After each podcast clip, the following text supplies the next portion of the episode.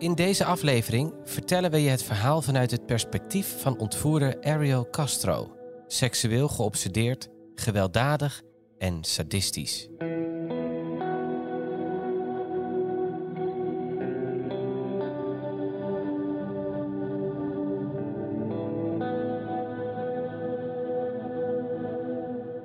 Je luistert naar de podcast Ontvoerd. Mijn naam is Maya Noordam en tegenover mij zit Kevin van den Berg. Elke week duiken we in een verbijsterende ontvoeringszaak die wereldwijd voor opschudding heeft gezorgd. Dit is Ontvoerd. Aflevering 10. Het horrorhuis.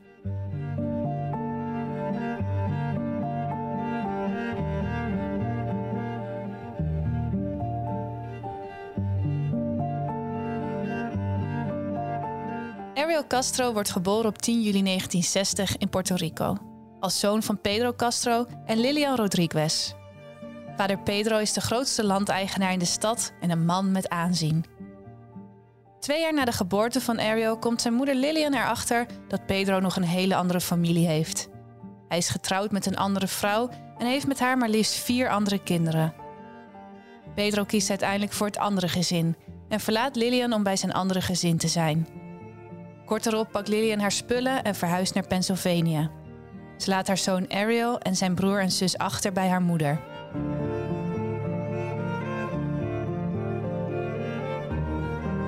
In de periode dat hij bij zijn oma woont, wordt de vijfjarige Ariel herhaaldelijk misbruikt door een andere jongen. Ariel doet er niks mee, waarschijnlijk omdat hij niet weet wat er met hem gebeurt. Maar het trauma dat hij oploopt leidt al vroeg tot seksuele neigingen en obsessies bij hem.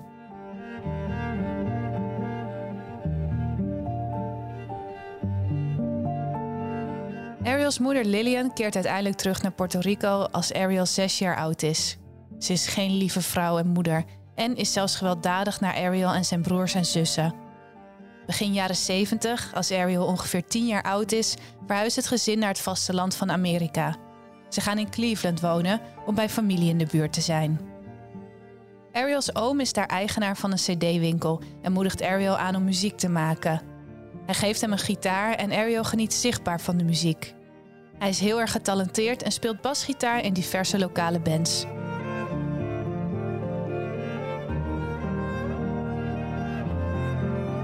In 1980 begint de 20-jarige Ariel te daten met zijn 17-jarige buurmeisje Grimelda. De twee zijn praktisch getrouwd, afgezien van een officieel huwelijk. Tussen 1981 en 1990 krijgen ze drie dochters en een zoon.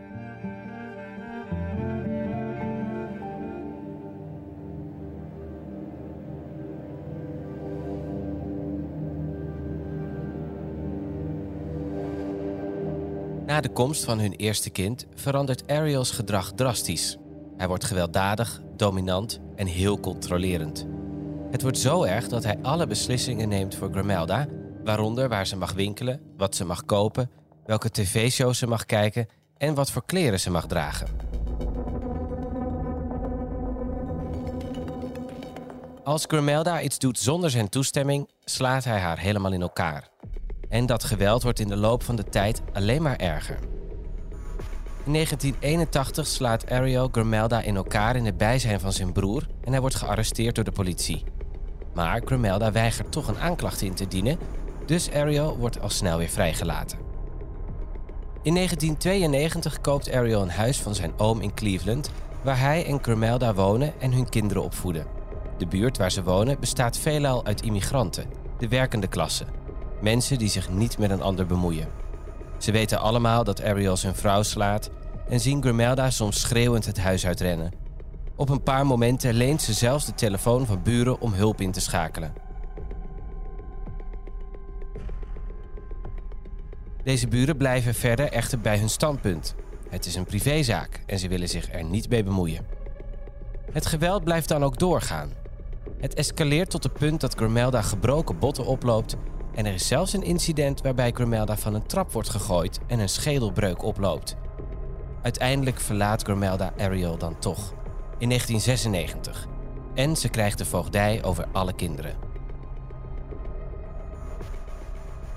Nadat ze is vertrokken, leeft Ariel een vrijgezelle bestaan in het huis. Overdag is hij chauffeur van een schoolbus en s'avonds speelt hij basgitaar in een salsa-band.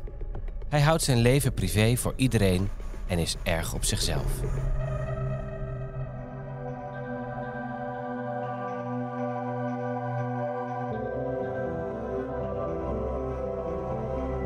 Het is 22 augustus 2002. De 21-jarige Michelle Knight is op weg naar een afspraak met een zaakwaarnemer in de hoop dat ze de voogdij over haar zoontje terugkrijgt. Ze heeft tot nu toe een zwaar leven gehad. Ze groeide op in een gewelddadig, arm gezin en is het slachtoffer van seksueel misbruik door mannelijk familielid. Op een punt besluit ze dat het veiliger is om op straat te leven dan thuis, dus ze vertrekt.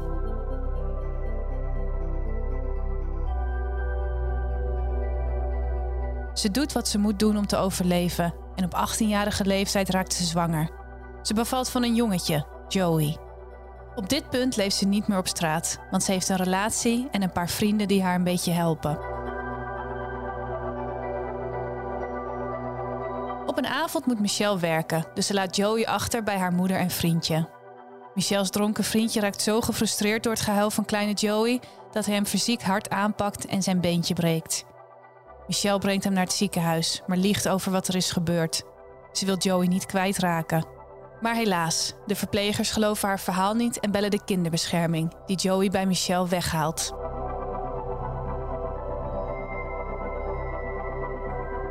Michelle werkt hard om de voogdij over Joey terug te krijgen. Dus in de namiddag van de bewuste 22 augustus is ze op weg naar een afspraak om in gesprek te gaan over de terugkeer van Joey.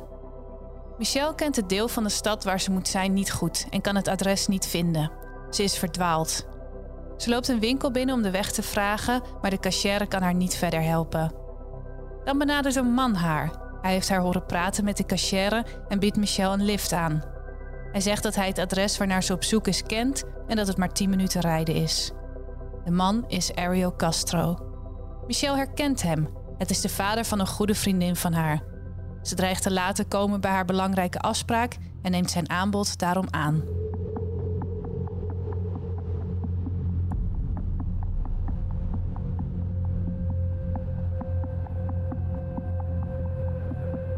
In de auto praten de twee een beetje met elkaar. En Michelle vertelt over haar zoon en legt uit waar ze heen moet en waarom ze die afspraak heeft.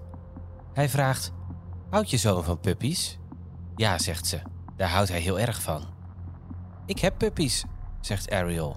En ik kan je er een geven zodat je er een aan je zoon kan laten zien als je hem terugkrijgt. Zal ik je de puppies laten zien? Michelle zegt dat ze echt naar haar afspraak moet, maar wil ook niet onbeleefd zijn. Dus ze gaan naar zijn huis, stappen uit de auto en lopen richting de achterdeur van het huis. In de achtertuin ziet Michelle een hond buiten. Maar Ariel zegt dat dit niet de hond is met de puppies. Die hond zit boven, samen met haar puppy.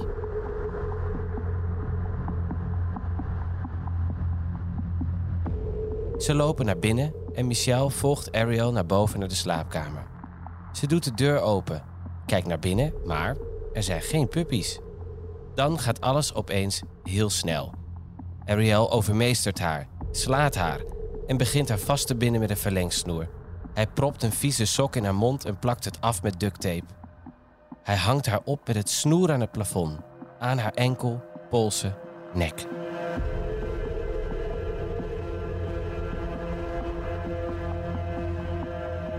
Hij verkracht haar een paar keer en laat haar daar hangen.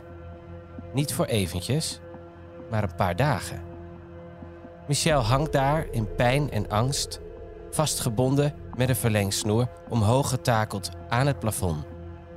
Ze kan alleen maar denken aan de gemiste afspraak voor de voogdij voor haar zoontje, waarvoor ze haar kansen ziet vervliegen.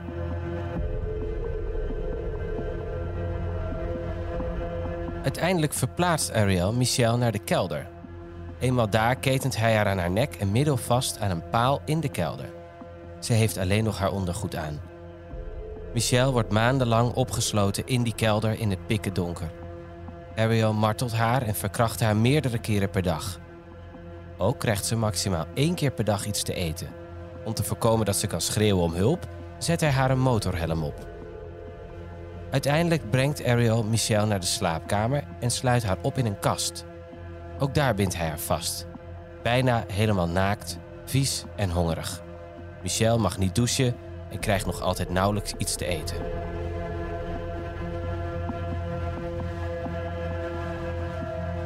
Ze is heel erg klein en smal. Ariel dacht op het moment dat hij haar ontvoerde dat ze een jong meisje was. Als hij erachter komt dat ze 21 jaar oud is, wordt hij erg boos en reageert het op haar af. Ariel manipuleert Michelle constant. Hij vertelt haar dat niemand naar haar op zoek is, ze niet te zien is op het nieuws en er heus geen flyers worden verspreid. Niemand interesseert zich voor haar, zo maakt hij haar wijs. Verdrietig genoeg is het niet volledig onwaar wat Ariel Michelle vertelt. Michelle is al volwassen en vanwege haar verleden van weglopen werd haar zoektocht niet geprioriteerd door de politie. Daarbovenop was haar familie ook nog eens zo slecht dat de verdwijning van Michelle hen niet echt kon interesseren.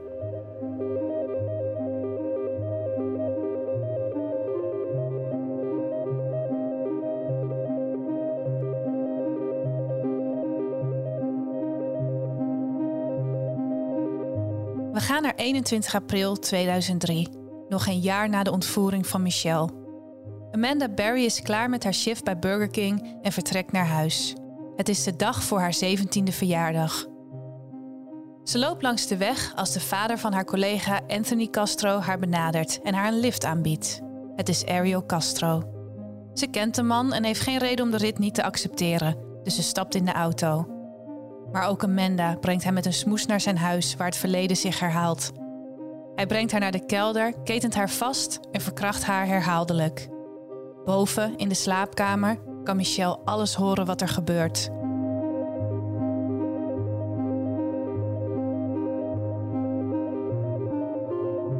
Het grote verschil tussen Michelle en Amanda is dat Amanda nog minderjarig is. Ook mist haar familie haar direct wanneer ze niet thuiskomt van haar werk en de volgende dag zelfs niet verschijnt tijdens haar verjaardag. Haar familie bijt zich vast in de zoektocht naar Amanda en is heel actief in de media. Haar moeder verscheen zelfs in de Monta Williams Show om met zelfgenoemd medium Sylvia Brown te praten. Hetzelfde medium dat we kennen uit het verhaal over Sean Hornbeck en dat zijn ouders ten onrechte liet geloven dat hun zoon was overleden. Sylvia zegt tegen de moeder van Amanda dat ze haar opnieuw zal zien in de hemel. Met andere woorden, dat Amanda overleden is. Twee jaar later overlijdt Amanda's moeder aan hartfalen, niet wetende wat er met haar dochter is gebeurd.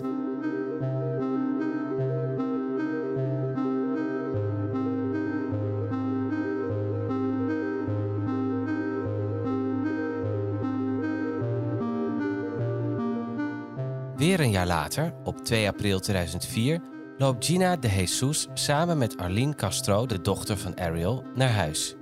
Ze lopen uiteindelijk een andere kant op en opeens verschijnt Ariel in zijn auto. Hij vraagt Gina of ze Arlene gezien heeft en of ze even met hem mee kan rijden om haar te vinden. Gina stemt toe en stapt in de auto om Arlene te vinden. Wat er vervolgens gebeurt, kun je waarschijnlijk wel raden. Ook zij wordt naar de kelder gebracht, verkracht en gemarteld.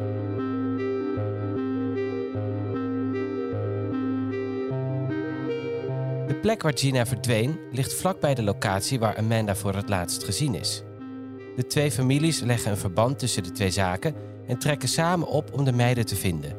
Ze delen talloze flyers uit in de buurt, organiseren zoektochten en blijven erg actief in de media om de namen van de meiden onder de aandacht te houden. Heel Cleveland is ondertussen doodsbang en woest. Twee meiden die ontvoerd werden vanaf praktisch dezelfde plek. Hoe kon dit gebeuren? En wie is de volgende? Opvallend genoeg kent Ariel Gina's ouders goed. Hij groeide op met haar moeder Nancy en was erg betrokken bij de zoektocht naar Gina. Hij doneert geld, doet mee aan zoektochten, neemt deel aan patrouilles en deelt flyers uit. En dat terwijl Gina ondertussen vastgeketend in zijn huis zit. Na een van de patrouilles brengt hij zelfs een van de flyers over haar vermissing mee naar huis en geeft deze aan Gina.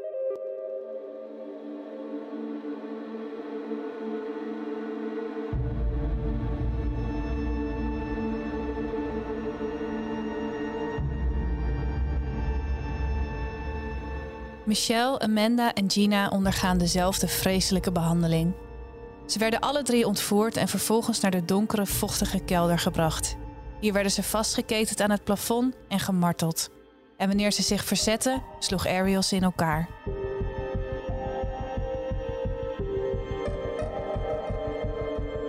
Hij heeft totale controle over de meiden. en heeft het hele huis gebooby-trapped met kijkgaatjes, alarmen, kettingen en spiegels. Hij houdt alles nauwlettend in de gaten en speelt constant mindgames met ze. Zo doet hij op een gegeven moment alsof hij is vergeten om een deur op slot te doen.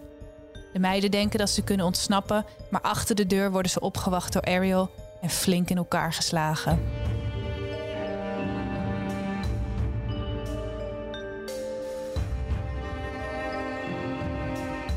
Ook manipuleert Ariel de meiden om elkaar niet te vertrouwen. Michelle, Amanda en Gina worden in aparte ruimtes gehouden, met alleen een soort luikje in de deur om eten in door te geven. Als hij hoort dat ze met elkaar proberen te praten, slaat hij ze in elkaar. Ondanks dat leren de meiden om elkaar te helpen en ondersteunen. Op een dag maakt Ariel een gat in de muur tussen de kamers van Michelle en Gina. Hier legt hij een ketting doorheen en bindt Gina aan de ene kant vast en Michelle aan de andere kant. Uiteindelijk worden Gina en Michelle samen in een ruimte gestopt, hoewel dit meer een soort kast is. Het is eigenlijk alleen groot genoeg voor een matras.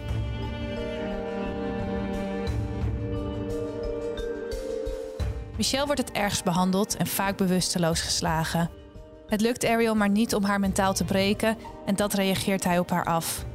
Ze raakt vijf keer zwanger van Ariel en elke keer zorgt hij ervoor dat ze een miskraam krijgt door haar te slaan, te vergiftigen of uit te hongeren.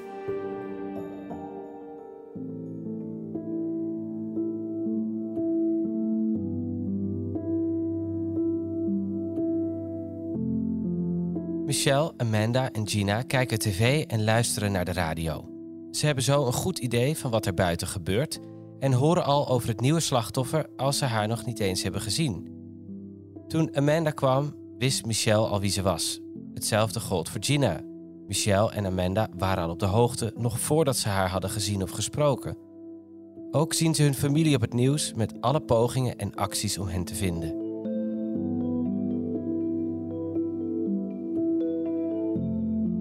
Twee jaar na haar verdwijning ontdekt Amanda ook via de televisie dat haar moeder is overleden. Een maand later realiseert ze zich dat ze zwanger is.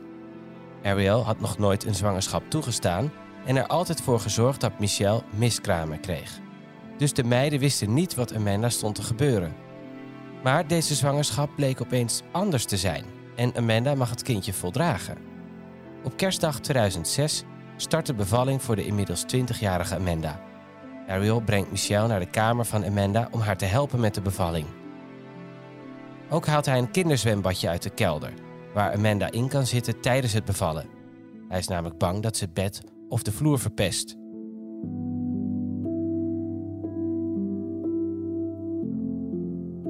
Michelle helpt Amanda en dochtertje Jocelyn wordt geboren. Tegen de tijd dat Jocelyn een peuter is, worden de meiden nog altijd misbruikt. Als ze vier jaar oud wordt, neemt Ariel Jocelyn mee naar buiten en stelt haar voor aan anderen als het kind van zijn vriendin. Naarmate Jocelyn ouder wordt, gaat ze steeds weer vragen stellen over het smerige, donkere huis waarin ze wonen.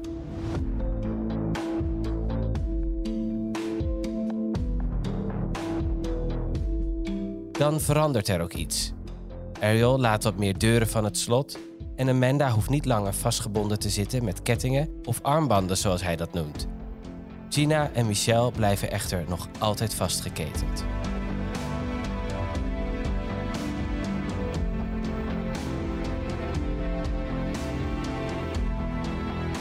Op 6 mei 2013, 11 jaar na de verdwijning van Michelle, verlaat Ariel het huis. Maar hij vergeet om de tussendeur voor de voordeur op slot te doen. Kleine Jocelyn mag vrij rondlopen, maar ze is er wel aan gewend dat alles op slot is. Het valt haar dan ook direct op dat op die dag de deur niet op slot zit. Ze loopt naar haar moeder toe en vertelt haar wat er aan de hand is. Amanda zegt dat Ariel waarschijnlijk weer een van zijn zieke spelletjes aan het spelen is en buiten aan het wachten is tot ze naar buiten komen.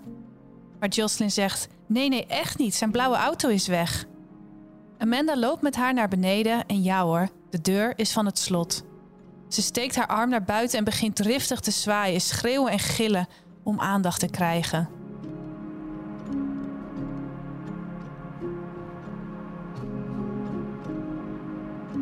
De buren van Ariel, Aurora Marty en Charles Ramsey, horen het geschreeuw uit Ariels huis komen. Charles kijkt naar buiten en ziet een vrouw wild zwaaien achter de voordeur. Het is de deur die zijn buurman nooit gebruikt. Ariel gebruikt altijd de achterdeur. Dus Charles loopt naar het huis om te kijken wat er aan de hand is. De vrouw die hij ziet schreeuwt de longen uit haar lijf. Help me, ik ben hier al heel lang. Charles denkt gelijk dat het gaat om huiselijk geweld, waar Ariel onbekend stond. Dus hij probeert de voordeur open te doen. Deze zit nog wel op slot. Dus Charles trapt samen met een buurman de deur in om de vrouw te bevrijden. Ze heeft een klein kind bij zich en vertelt dat ze Amanda Barry is, het meisje dat al tien jaar vermist is.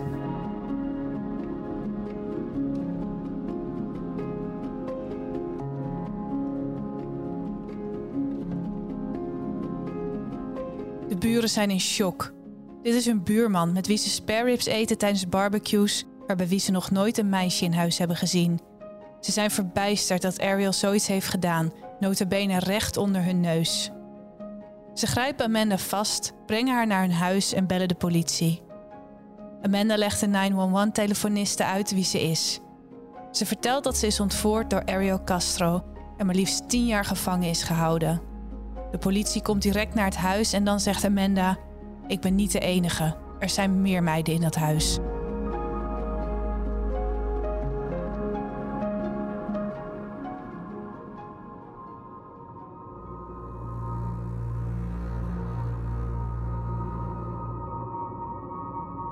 De politie gaat onmiddellijk naar binnen in het huis van Ariel. Ze verwachten dode lichamen te vinden, maar wat ze aantreffen is misschien nog wel erger. Het is pikken donker binnen. Alle ramen zijn afgesloten en het is ontzettend smerig overal. Bijna alle deuren in het huis zitten op slot met een hangslot.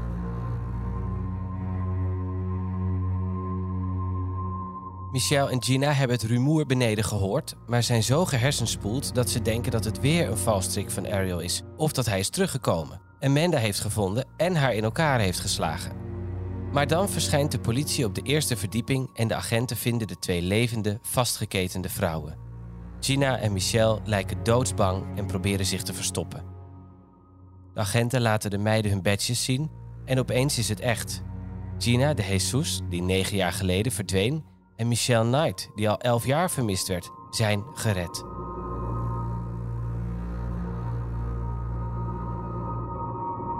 De agenten maken ze los, wikkelen hen in dekens en brengen ze naar het ziekenhuis.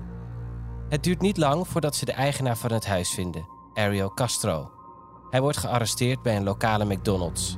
Inmiddels hebben alle buren zich verzameld op de stoep, nog altijd verbijsterd. De families van Amanda en Gina zijn dolgelukkig. Maar niemand van Michelle's familie komt voor haar. Pas nadat het verhaal groots doorbreekt in het nieuws, komen er opeens familieleden voorbij om interviews te geven aan de media. Michelle is in slechte fysieke conditie. De jaren van in het donker gehouden worden hebben haar zicht verslechterd en de jaren van fysiek misbruik lieten haar achter met zenuwproblemen, doofheid in een oor, een veranderd gezicht en een zware maaginfectie. Ariel had haar nauwelijks te eten gegeven en alleen bedorven voedsel. De infectie is zo hevig dat ze het bijna niet overleeft. De familieleden die naar voren komen op het nieuws verschijnen nooit in het ziekenhuis bij Michelle. Wanneer ze eindelijk ontslagen wordt uit het ziekenhuis, verblijft ze bij Gina's familie.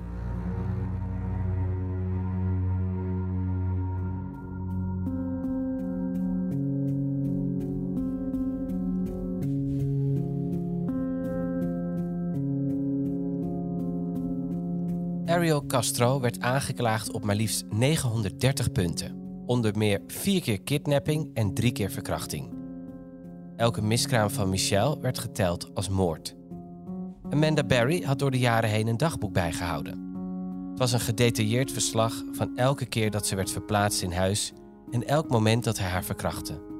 Haar dagboek werd door de aanklagers gebruikt om de zaak tegen Ariel te bouwen.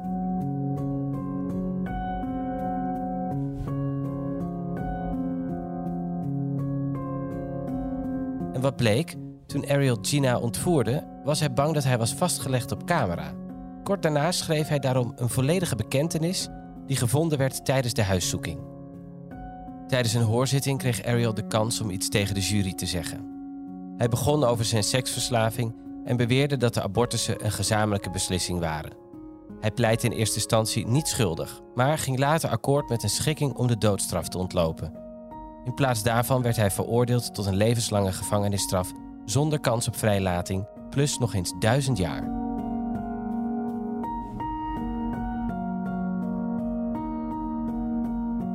Amanda ging als enige zelfs naar een hoorzitting en gaf een slachtoffergetuigenis. Ze zei: Ik spendeerde elf jaar in een hel, maar jouw hel begint nu pas. Vanaf dit moment laat ik je me niet meer beïnvloeden. Ik leef door.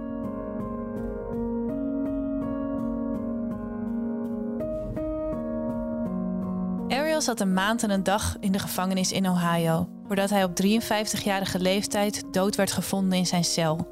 Hij had zichzelf opgehangen met zijn eigen lakens. Zijn huis, dat de House of Terrors werd genoemd, werd volledig afgebroken in 2013.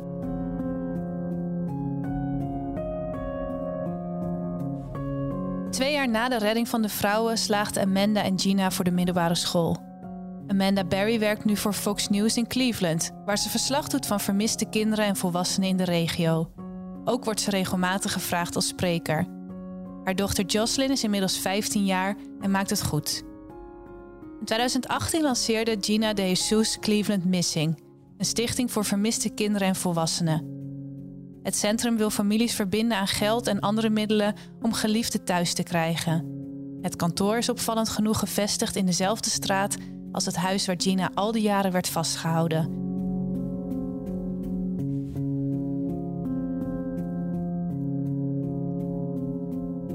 Michelle staat nu bekend als Lily Rose Lee.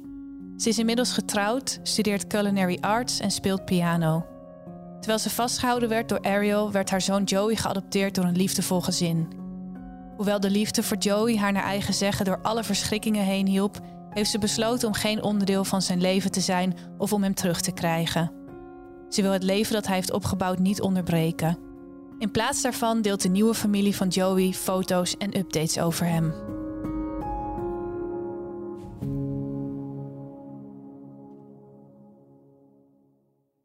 Tot zover het bizarre en onvoorstelbare verhaal van ontvoerder Ariel Castro en zijn slachtoffers Michelle, Amanda en Gina.